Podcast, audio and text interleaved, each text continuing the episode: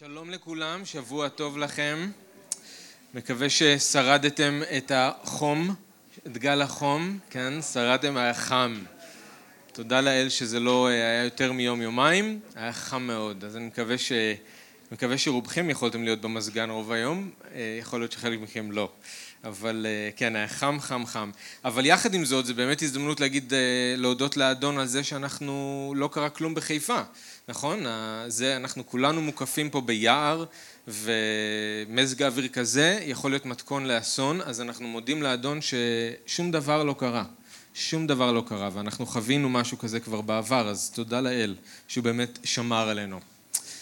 בסדר, אתם אה, מוכנים להתחיל או להמשיך עם הסדרה שלנו, עם אברהם? כן? אוקיי.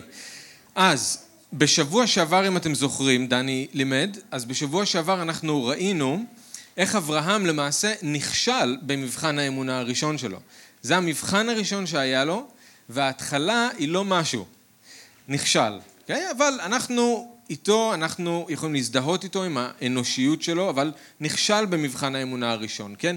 אלוהים שולח אותו עם כל ההבטחות שהוא ידאג לו, שהוא יספק לו את כל מה שהוא צריך, לך לארץ שאני אראה לך, נהיה איתך שם, הכל בסדר. הארץ הזאת אני גם אתן לך. והדבר הבא שאנחנו קוראים שקורה זה שיש רעב, פתאום. אחרי כל ההבטחות האלה פתאום יש רעב, ואברהם במקום לעצור, להתפלל, לקרוא בשם אלוהים, לעמוד על ההבטחות, הדבר הראשון שהוא עושה הוא מחליט לרדת למצרים, כן?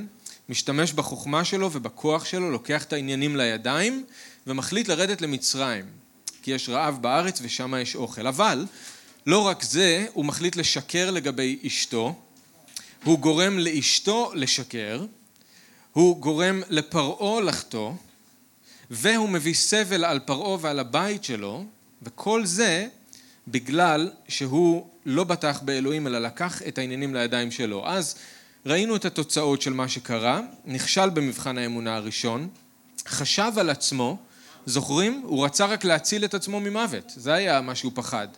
הוא רצה לדאוג לעצמו, חשב על עצמו.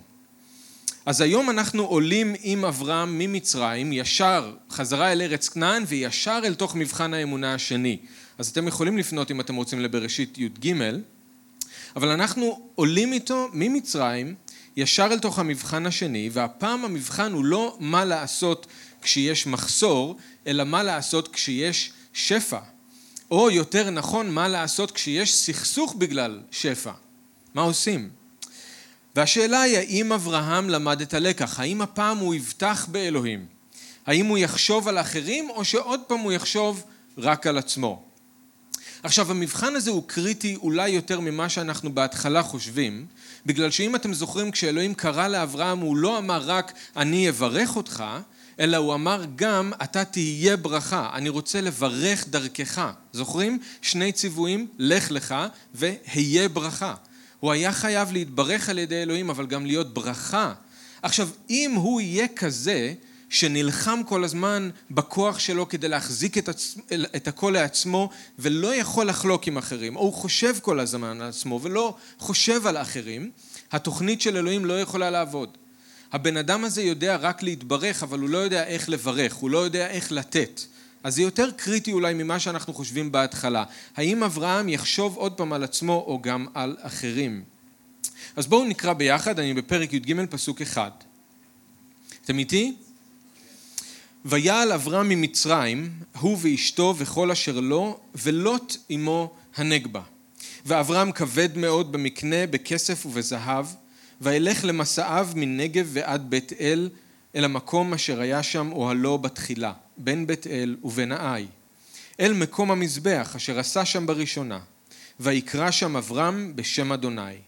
וגם ללוט ההולכת אברהם היה צאן ובקר ואוהלים, ולא נשא אותם הארץ לשבת יחדיו, כי היה רכושם רב, ולא יכלו לשבת יחדיו. ויהי ריב בין רועי מקנה אברהם ובין רועי מקנה לוט, והכנעני והפריזי אז יושב בארץ. ויאמר אברהם אל לוט אל נא תהי מריבה ביני ובינך ובין רועי ובין רועיך, כי אנשים אחים אנחנו. הלא כל הארץ לפניך, היפרד נא מעלי, אם השמאל ואימינה ואם הימין ואשמילה, וישא לוט את עיניו וירא את כל כיכר הירדן כי כולה משקה. לפני שחט אדוני את סדום ואת עמורה כגן אדוני כארץ מצרים בואכה צוער. ויבחר לו לוט את כל כיכר הירדן וישא לוט מקדם ויפרדו איש מעל אחיו אברהם ישב בארץ כנען ולוט ישב בערי הכיכר ויאהל עד סדום. ואנשי סדום רעים וחטאים לאדוני מאוד. ואדוני אמר אל אברהם אחרי פרד לוט מאמו שא נא עיניך וראה מן המקום אשר אתה שם. צפונה ונגבה וקדמה וימה כי את כל הארץ אשר אתה רואה לך אתננה ולזרעך עד עולם ושמתי את זרעך כעפר הארץ אשר אם אשר אם אי יוכל איש למנות את עפר הארץ גם זרעך ימנה קום התהלך בארץ לאורכה ולרוחבה כי לך אתננה ויאהל אברהם ויבוא וישב באלוני ממרא אשר בחברון ויבן שם מזבח לאדוני. בוא נתפלל. אבא, אנחנו מודים לך על דברך. אנחנו מודים לך שאנחנו לא צריכים להתלבט ולחשוב האם זאת אמת או לא אמת, אנחנו יודעים שזאתי האמת, ולא משנה מה דעתנו ולא משנה מה אנחנו חושבים. אתה נתת בליבנו אמונה, ואתה ישוע אמרת, אני הדרך, האמת והחיים. ואמרת שרוח הקודש תדריך אותנו אל כל האמת. אז אנחנו מודים לך, אדון, שאנחנו יכולים לשמוע אמת. בתוך עולם שכל כך הרבה פעמים מסביבנו אנחנו שומעים שקרים, אנחנו יכולים לבוא לכאן ולשתות מים נקיים ולשתות ולנשום אוויר נקי, אנחנו יכולים לקבל אמת ממך. אז אדון אנחנו מבקשים ממך שאתה תפתח את הלב שלנו כדי שאנחנו נבין איפה אנחנו ביחס לאמת הזאת. האם יש משהו שאנחנו צריכים לחזור בתשובה ממנו? האם יש משהו שאנחנו צריכים לשנות? האם יש משהו שאנחנו צריכים להודות לך עליו? האם יש משהו שאנחנו צריכים לשנות את דעתנו לגביו ולהאמין אחרת ולראות אחרת? אדון, זה כל כך קל לבוא שבוע אחרי שבוע ולשמוע ולשכוח, ולתת לדבר שלך לעבור מעל הראש ולא להיכנס פנימה אל הלב. נכנס מאוזן אחת ויוצא מהשנייה, אבל לא עושה שום פעולה בתוכנו.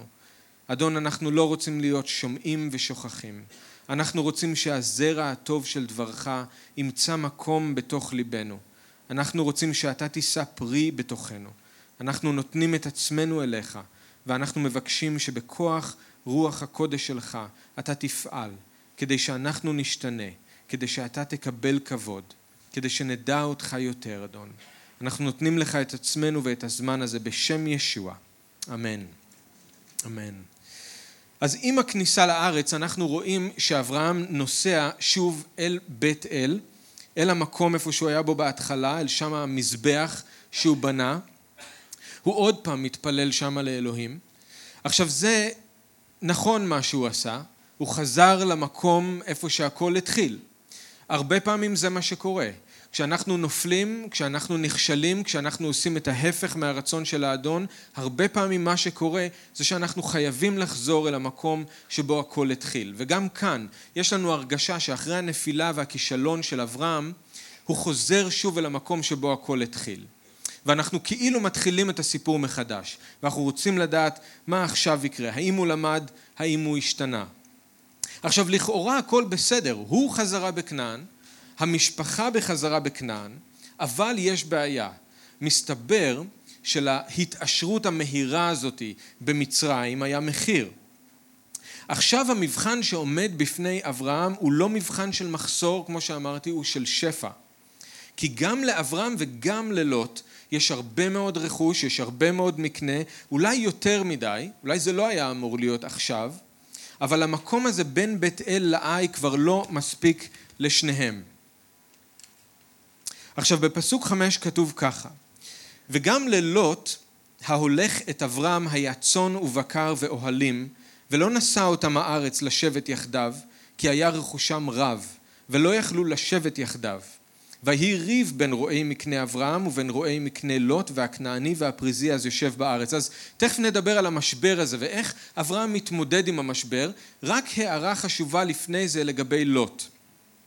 אברהם אימץ את לוט, לוט היה האחיין שלו, הרן האח שלו מת, זה אבא של לוט, ולוט נשאר יתום בלי אבא, ואברהם אימץ אותו כמו בן.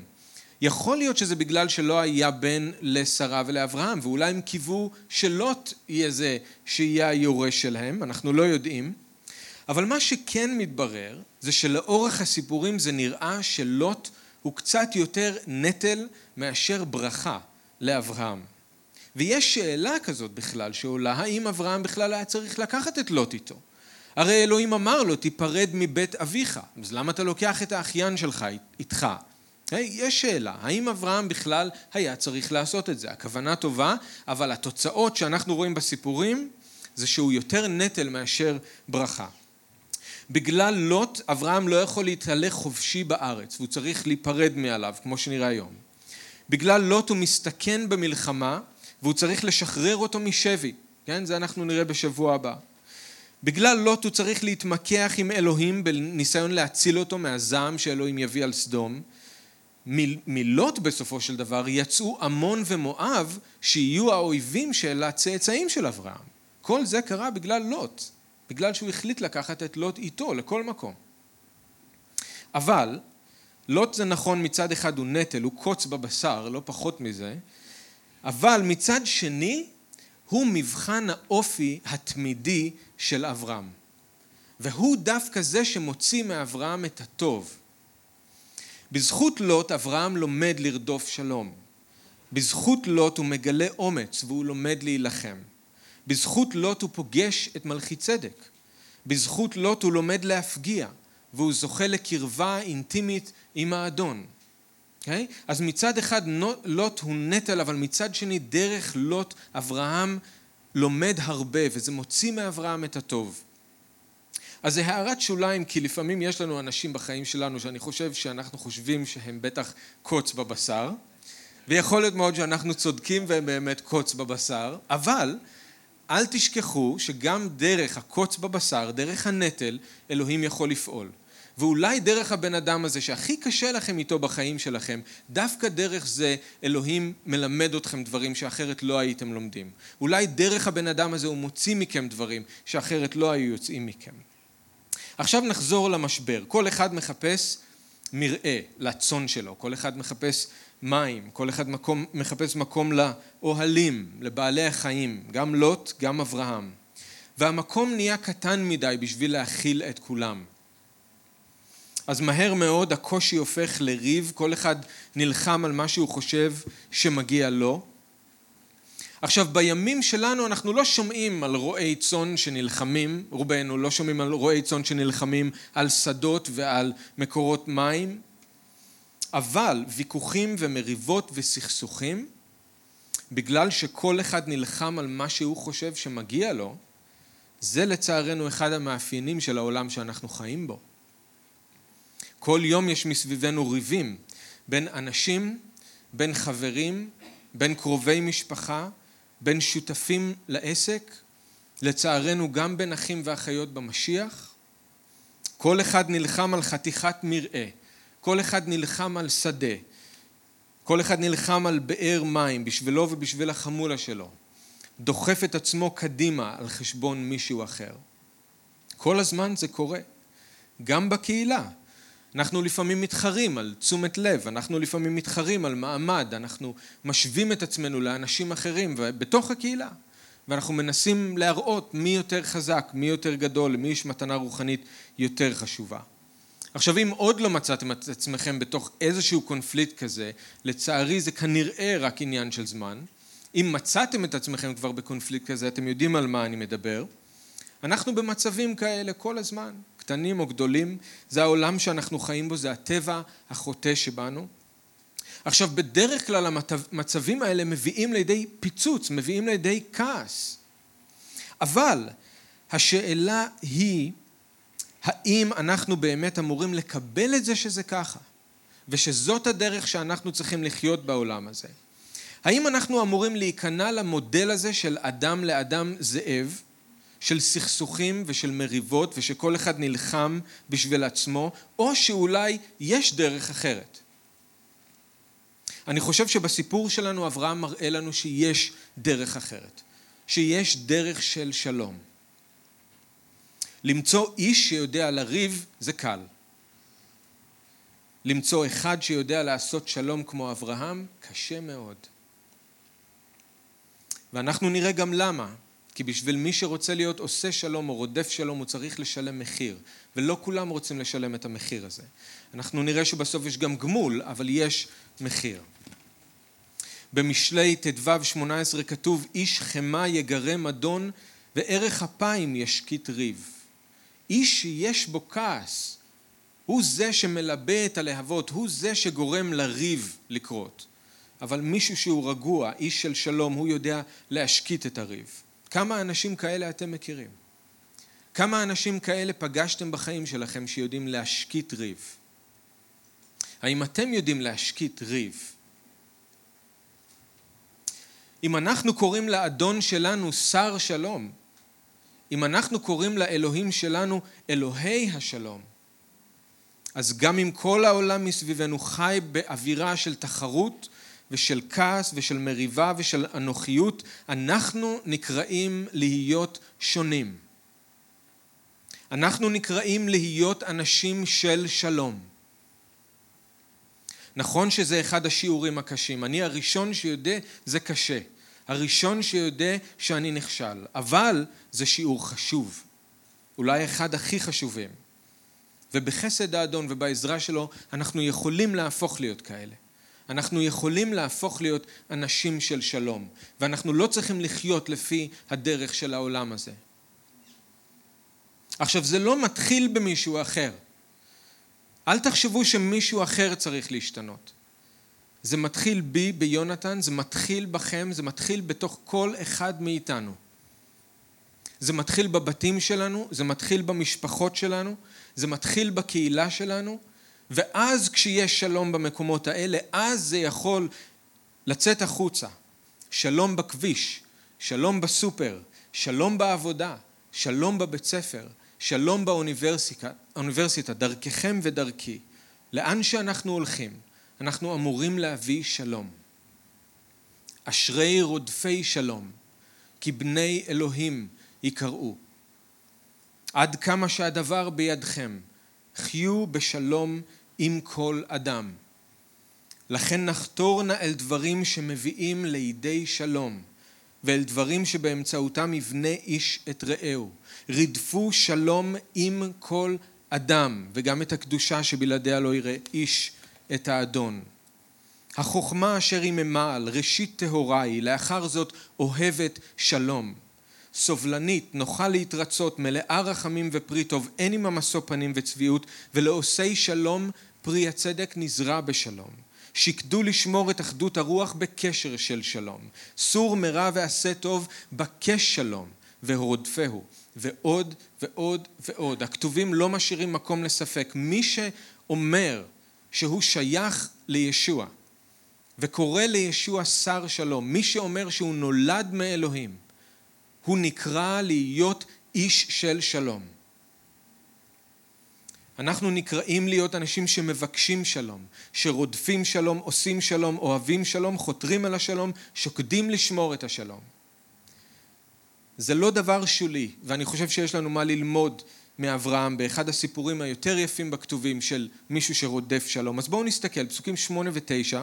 אני רוצה להראות לכם כמה דברים שאברהם עושה, שאני חושב שיכולים לעזור לנו לחשוב אולי איך אנחנו יכולים לעשות כמעשי אברהם, זוכרים?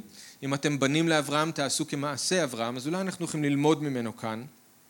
מה לעשות כדי להיות רודפי שלום, אם אנחנו מוצאים את עצמנו בלב של סכסוך או של מריבה. אז אתם איתי, פסוקים שמונה ותשע. יש?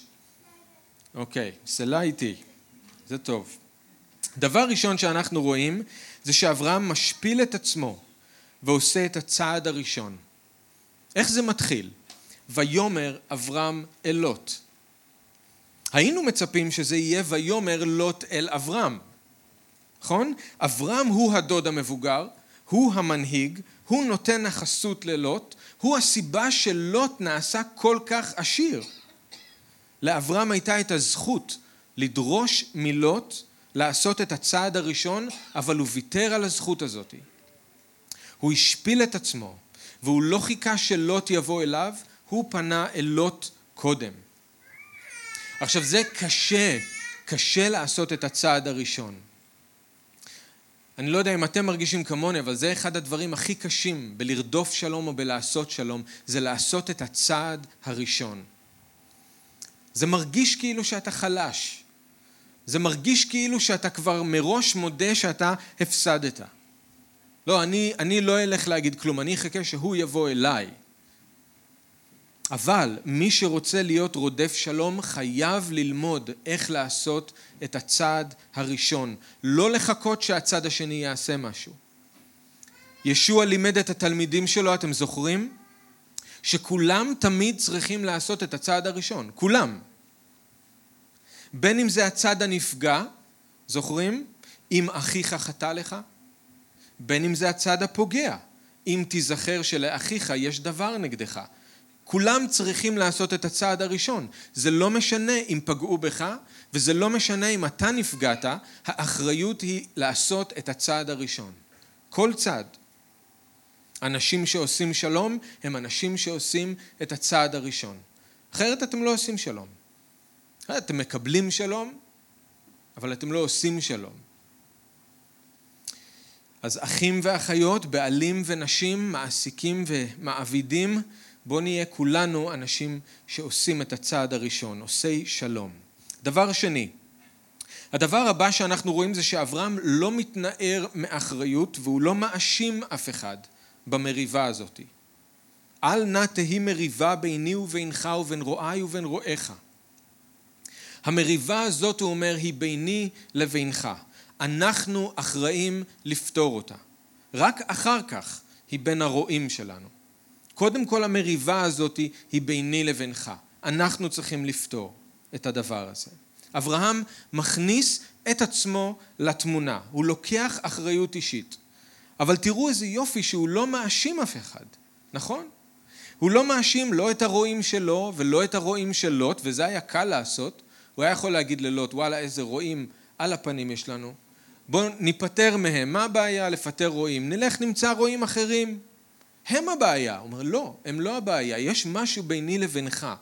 אנחנו צריכים לפתור משהו בינינו. הרועים כנראה משהו חלחל אליהם, אבל זה לא התחיל שם, זה התחיל בינינו. הוא מכניס את עצמו לתמונה והוא לא מפנה אצבע מאשימה, לא אל הרועים, הוא לא מפנה אצבע מאשימה גם אל לוט. הוא לא אומר ללוט שום דבר. הוא לא מאשים אותו בכלום. עכשיו זה קריטי אם אנחנו רוצים לעשות שלום. לא שצריך להתעלם ממה שהצד השני עושה, אבל קודם כל צריך לקחת אחריות על הצד שלנו במשבר. לא להפנות אצבע מאשימה כלפי אחרים. עכשיו אני אגיד לכם, דרך בטוחה לא לפתור קונפליקט זה להגיד אני לא עשיתי כלום. זה הכל אתה או את או אתם. אתם רוצים לא לפתור קונפליקט? אתם רוצים לא לרדוף שלום? כך אתם תעשו את זה. אל תיקחו אחריות, תאשימו. בדיוק ההפך אנחנו רואים שאברהם עושה. דבר שלישי, אברה, מה שאברהם עושה, הוא שם את הקשר שלהם כאחים מעל הכל. כי אנשים אחים אנחנו. זאת הסיבה שהוא לא רוצה שתהיה מריבה ביניהם.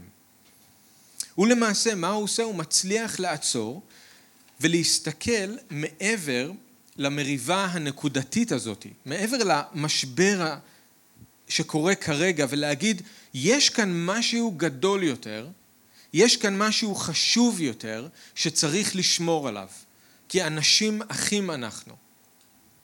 בשביל אברהם היה יותר חשוב לשמור על הקשר שלו עם לוט מאשר להתווכח איתו על מקום מגורים או על מרעה או על מים.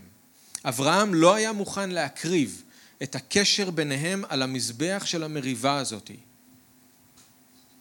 וזאת צריכה להיות גם הגישה שלנו. כמה פעמים כתוב לנו בכתובים על אהבת אחים? כמה פעמים? כמה פעמים ישוע לימד על האחדות שצריכה להיות בינינו? ולפעמים, לפעמים בתוך הריב ובתוך הסכסוך, בתוך הסערה הזאת שאנחנו באמצע, אנחנו שוכחים את התמונה הגדולה, ואנחנו שוכחים מה חשוב באמת. ואנחנו מוכנים להקריב הכל ולעשות הכל רק כדי לצאת צודקים במריבה הזאת. ואנחנו שוכחים שיש משהו הרבה הרבה יותר גדול והרבה יותר חשוב מזה. אנחנו אחד במשיח, אנחנו הגוף שלו, אנחנו הכלה שלו, אנחנו המשכן שלו. כשאנחנו מוצאים את עצמנו באמצע קונפליקט, אנחנו צריכים לזכור שיש משהו גדול יותר ויש משהו חשוב יותר שצריך לשמור עליו בכל מחיר. וכשאנשים לא מוותרים, זה בגלל שהם שכחו את התמונה הגדולה. כשאני לא מוותר על מריבה, ואני לא עושה שלום או רודף שלום זה כי אני שכחתי שיש משהו יותר חשוב עכשיו ויותר גדול עכשיו ממה שאני מרגיש וממה שאנחנו חווים. אז לזכור את התמונה הגדולה. הדבר האחרון שאנחנו רואים שאברהם עושה זה אולי הדבר הקשה ביותר המרשים ביותר שהוא עושה.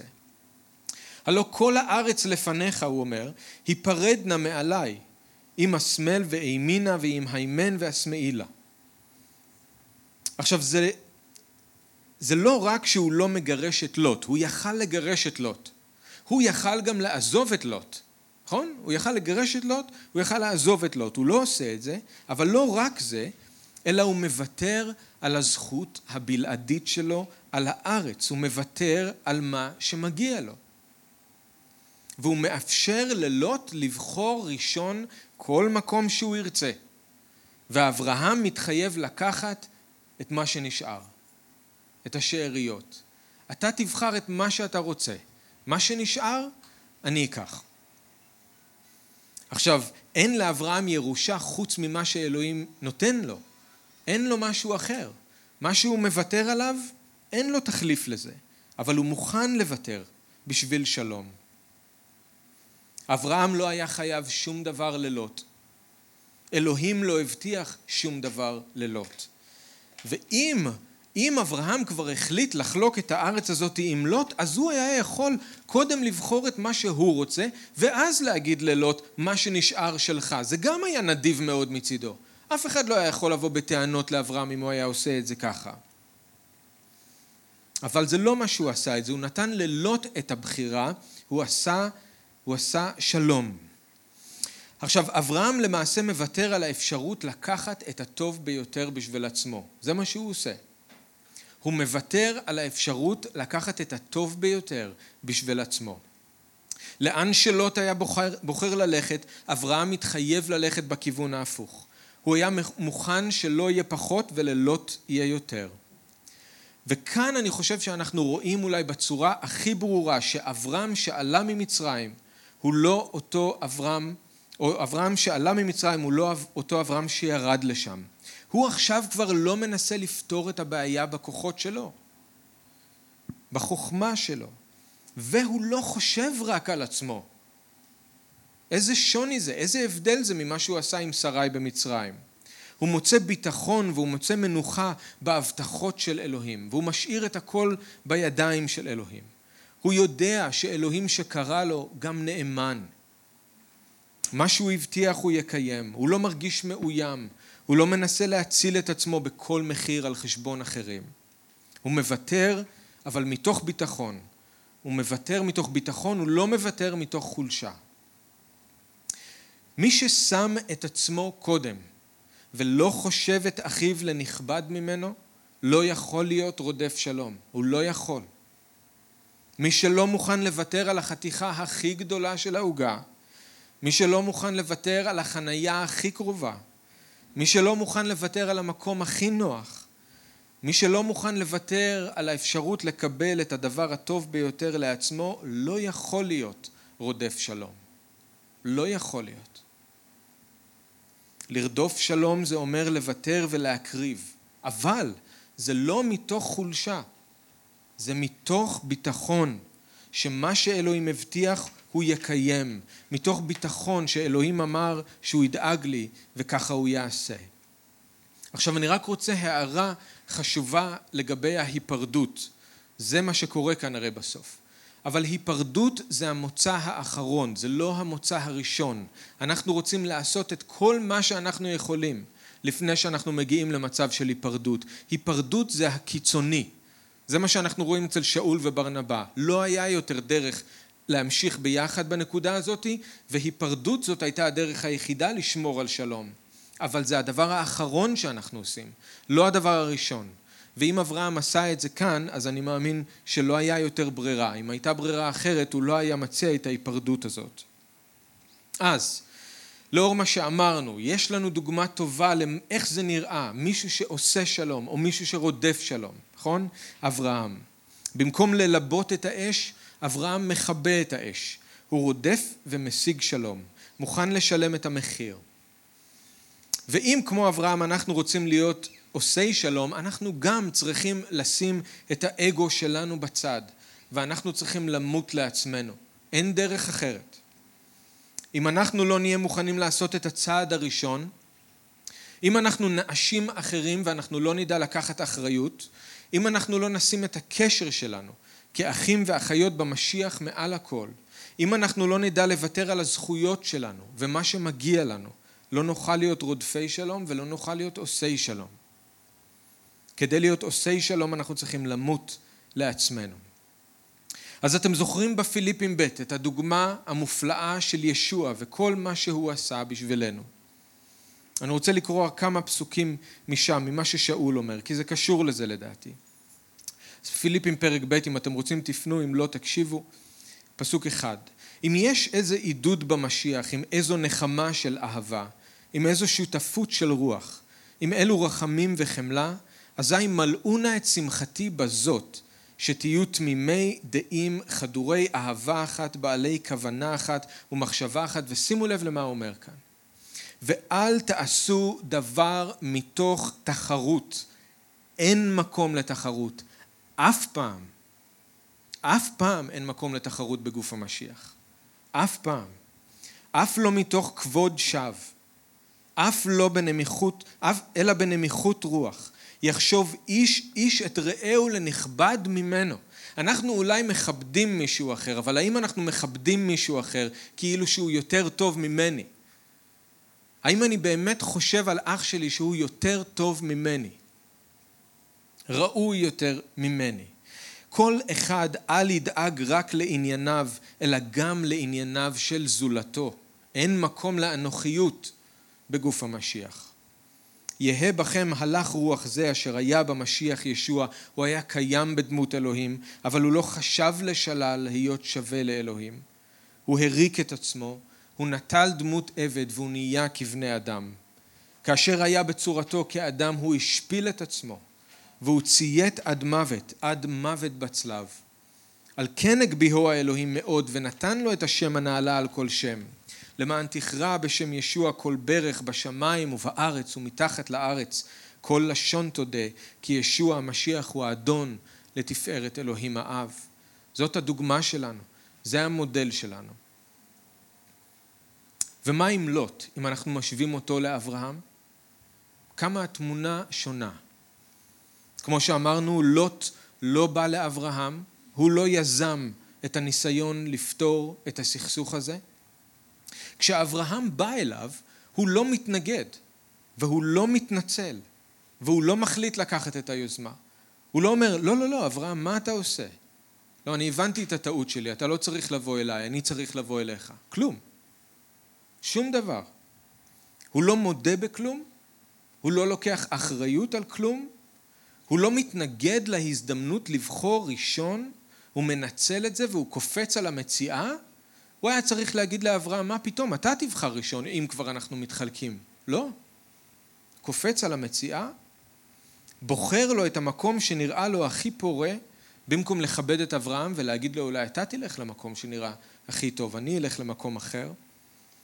במקום לסרב לעזוב את אברהם, או לפחות להיפרד קצת בעצב ממי שנתן לך חסות כל החיים, מי שדאג לך, מי שעשה אותך עשיר, הוא בכפיות טובה, הוא עוזב את אברהם והוא הולך, לא שומעים ממנו כלום.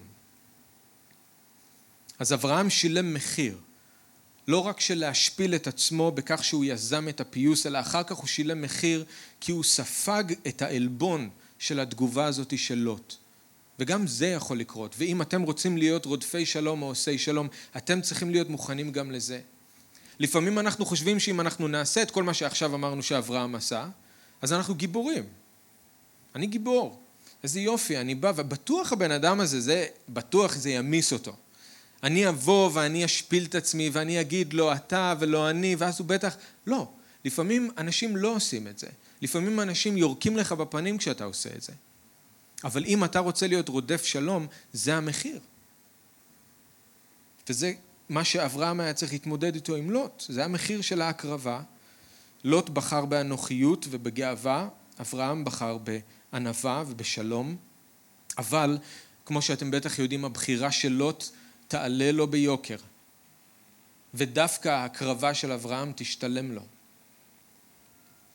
וצריך רק להגיד משהו לגבי הבחירה של לוט, כי יש אזהרה חשובה שאני לא רוצה שאנחנו נפספס. כי הוא חשב שהוא ניצח ושאברהם הפסיד, אבל ההפך הוא נכון. לוט נשא את העיניים שלו, הוא ראה את כל כיכר הירדן, הכל ירוק, הכל מלא מים, לפני שאלוהים השחית את סדום ואת עמורה, כגן אדוני, כארץ מצרים, והוא בחר לו את כל כיכר הירדן, כתוב, והוא נסע משם והם נפרדו ואברהם ישב בארץ כנען, לוט ישב בערי הכיכר והגיע עד לאיפה? עד לסדום. ואנשי סדום רעים וחטאים לאדוני מאוד. לוט בחר לעצמו את כיכר הירדן. הוא הסתובב בין ערי הכיכר והגיע עד לסדום. לוט בדק ובחן את הדברים רק לפי מראית עיניים. לוט בדק וראה את הדברים רק לפי מה שהוא רואה בעיניים. הוא ירא, ראה את הירק והוא ראה את המים, או כגן אדוני, כארץ מצרים, איזה שפע. מעניין ששתי המקומות האלה הם גם מקומות של מרד באלוהים ומקומות של עונש, לכן זה כנראה מוזכר, אבל מקומות של שפע. אבל הוא לא ראה, או שהוא לא רצה לראות, את הסכנה שטמונה בבחירה שלו. את החברה הרעה שנמצאת שם. הוא ראה את השדות ואת היבול, אבל הוא התעלם מהחטא ומהרשע. הוא ראה גן ולא הבין שזה עתיד להפוך לגיהנום. הוא חשב על המקנה ועל הרכוש שלו, אבל הוא לא חשב על איך זה ישפיע על המשפחה שלו. זה הרס את הבנות שלו. הוא גידל את הבנות שלו בסדום, וכתוצאה מזה קרה מה שקרה בהמשך. לוט בחר לדור באוהלי רשע, לשבת במושב לצים. ועם הזמן הוא הפך לא רק להיות אחד מהתושבים, הוא הפך להיות אחד המכובדים שבהם, כי כתוב שהוא ישב בשער העיר. זאת אזהרה לכולנו. לא לשפוט לפי מראית עיניים. לא כל מה שנוצץ הוא זהב. לאלה מכם שאולי תולים תקוות עוד בלוטו, אז אני רוצה להזכיר לכם שלוטו מתחיל בלוט, okay? אוקיי? לא כל הנוצץ זהב, זה מתחיל בלוט ולא יודעים איך זה נגמר, אז כל פעם שאתם ממלאים לוטו תחשבו לוט. אוקיי. Okay.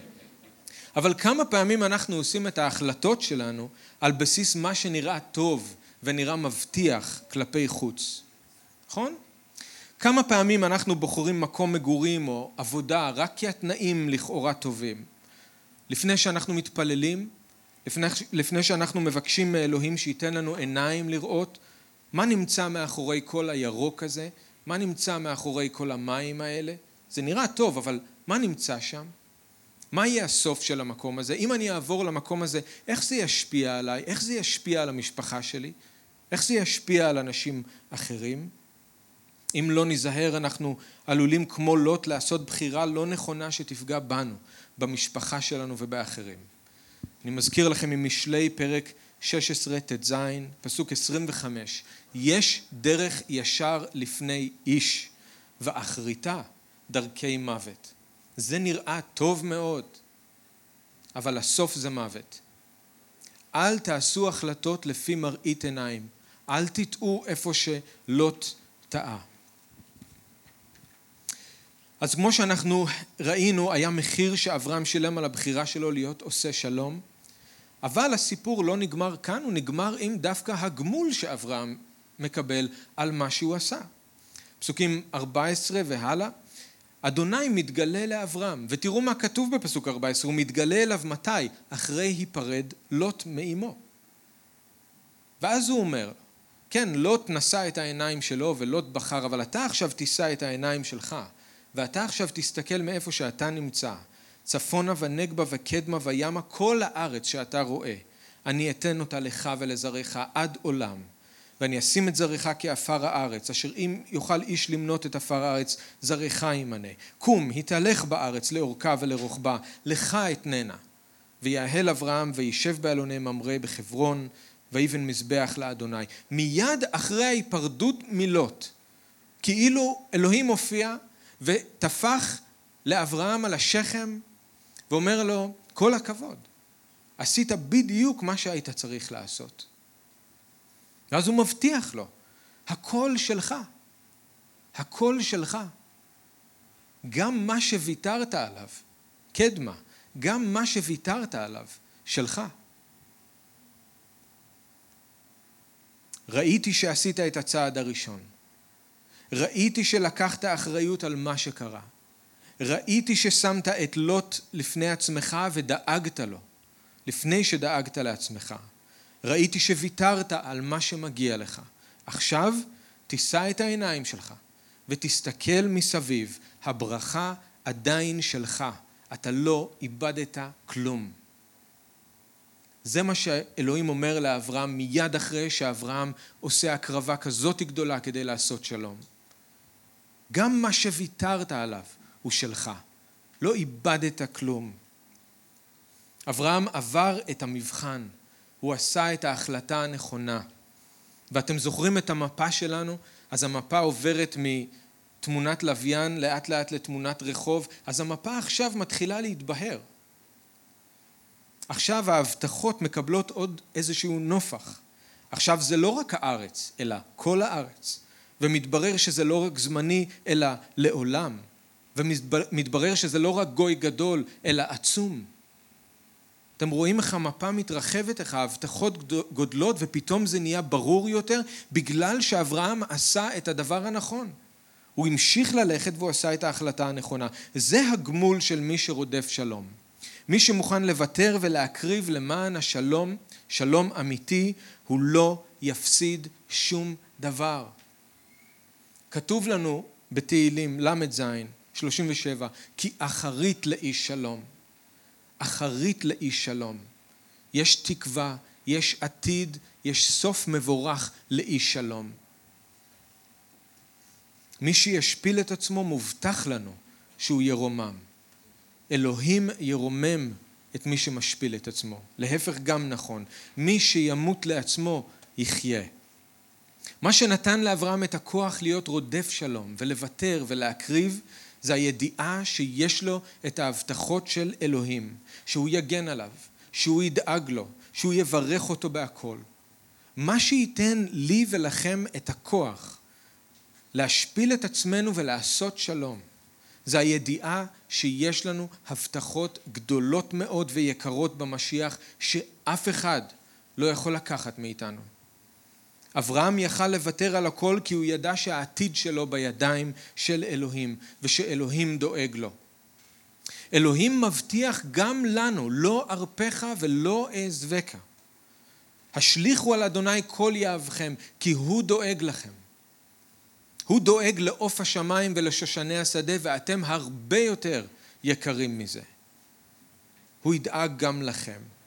תקשיבו, אנחנו לא צריכים לריב עם אף אחד על שום דבר, אף פעם.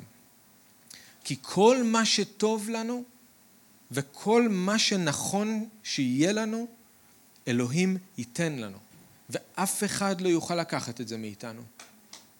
אף אחד לא יוכל לקחת את זה מאיתנו. אם זה נכון בשבילנו ואם זה טוב בשבילנו וזה מה שאלוהים רוצה לתת לנו, הוא ייתן לנו את זה. אנחנו לא צריכים לריב ולהתווכח עם אף אחד על שום דבר אף פעם. כששאול שמע על המריבה שהייתה בקורינטוס, זוכרים? חלק אמרו, אה, ah, אנחנו עם אפולוס, ואחרים אמרו, אנחנו עם שאול. אז הוא כותב להם והוא אומר, תגידו, חבר'ה, למה אתם רבים? למה אתם רבים? הרי הכל שלכם. שאול, אפולוס, קיפה, העולם, החיים, המוות, דברים שבהווה, דברים שבעתיד, הכל שלכם. ואתם של המשיח, והמשיח הוא של אלוהים. אין שום סיבה אף פעם לאף אחד מאיתנו לריב עם מישהו. לא יכולים לגנוב ממכם את מה שאלוהים מבטיח לכם. אלוהים נשבע לדאוג לכם. בשביל זה ישוע מת. אתם לא צריכים לריב, לא צריך להסתכסך, אפשר לרדוף שלום. תהיו בטוחים באלוהים, תהיו בטוחים בהבטחות שלו אליכם. מי שיודע שיש לו את הכל במשיח לא צריך לריב עם אף אחד, הוא יכול תמיד לוותר ולתת עדיפות לאח או לאחות שלו, לשים מישהו אחר קודם. אז נסיים.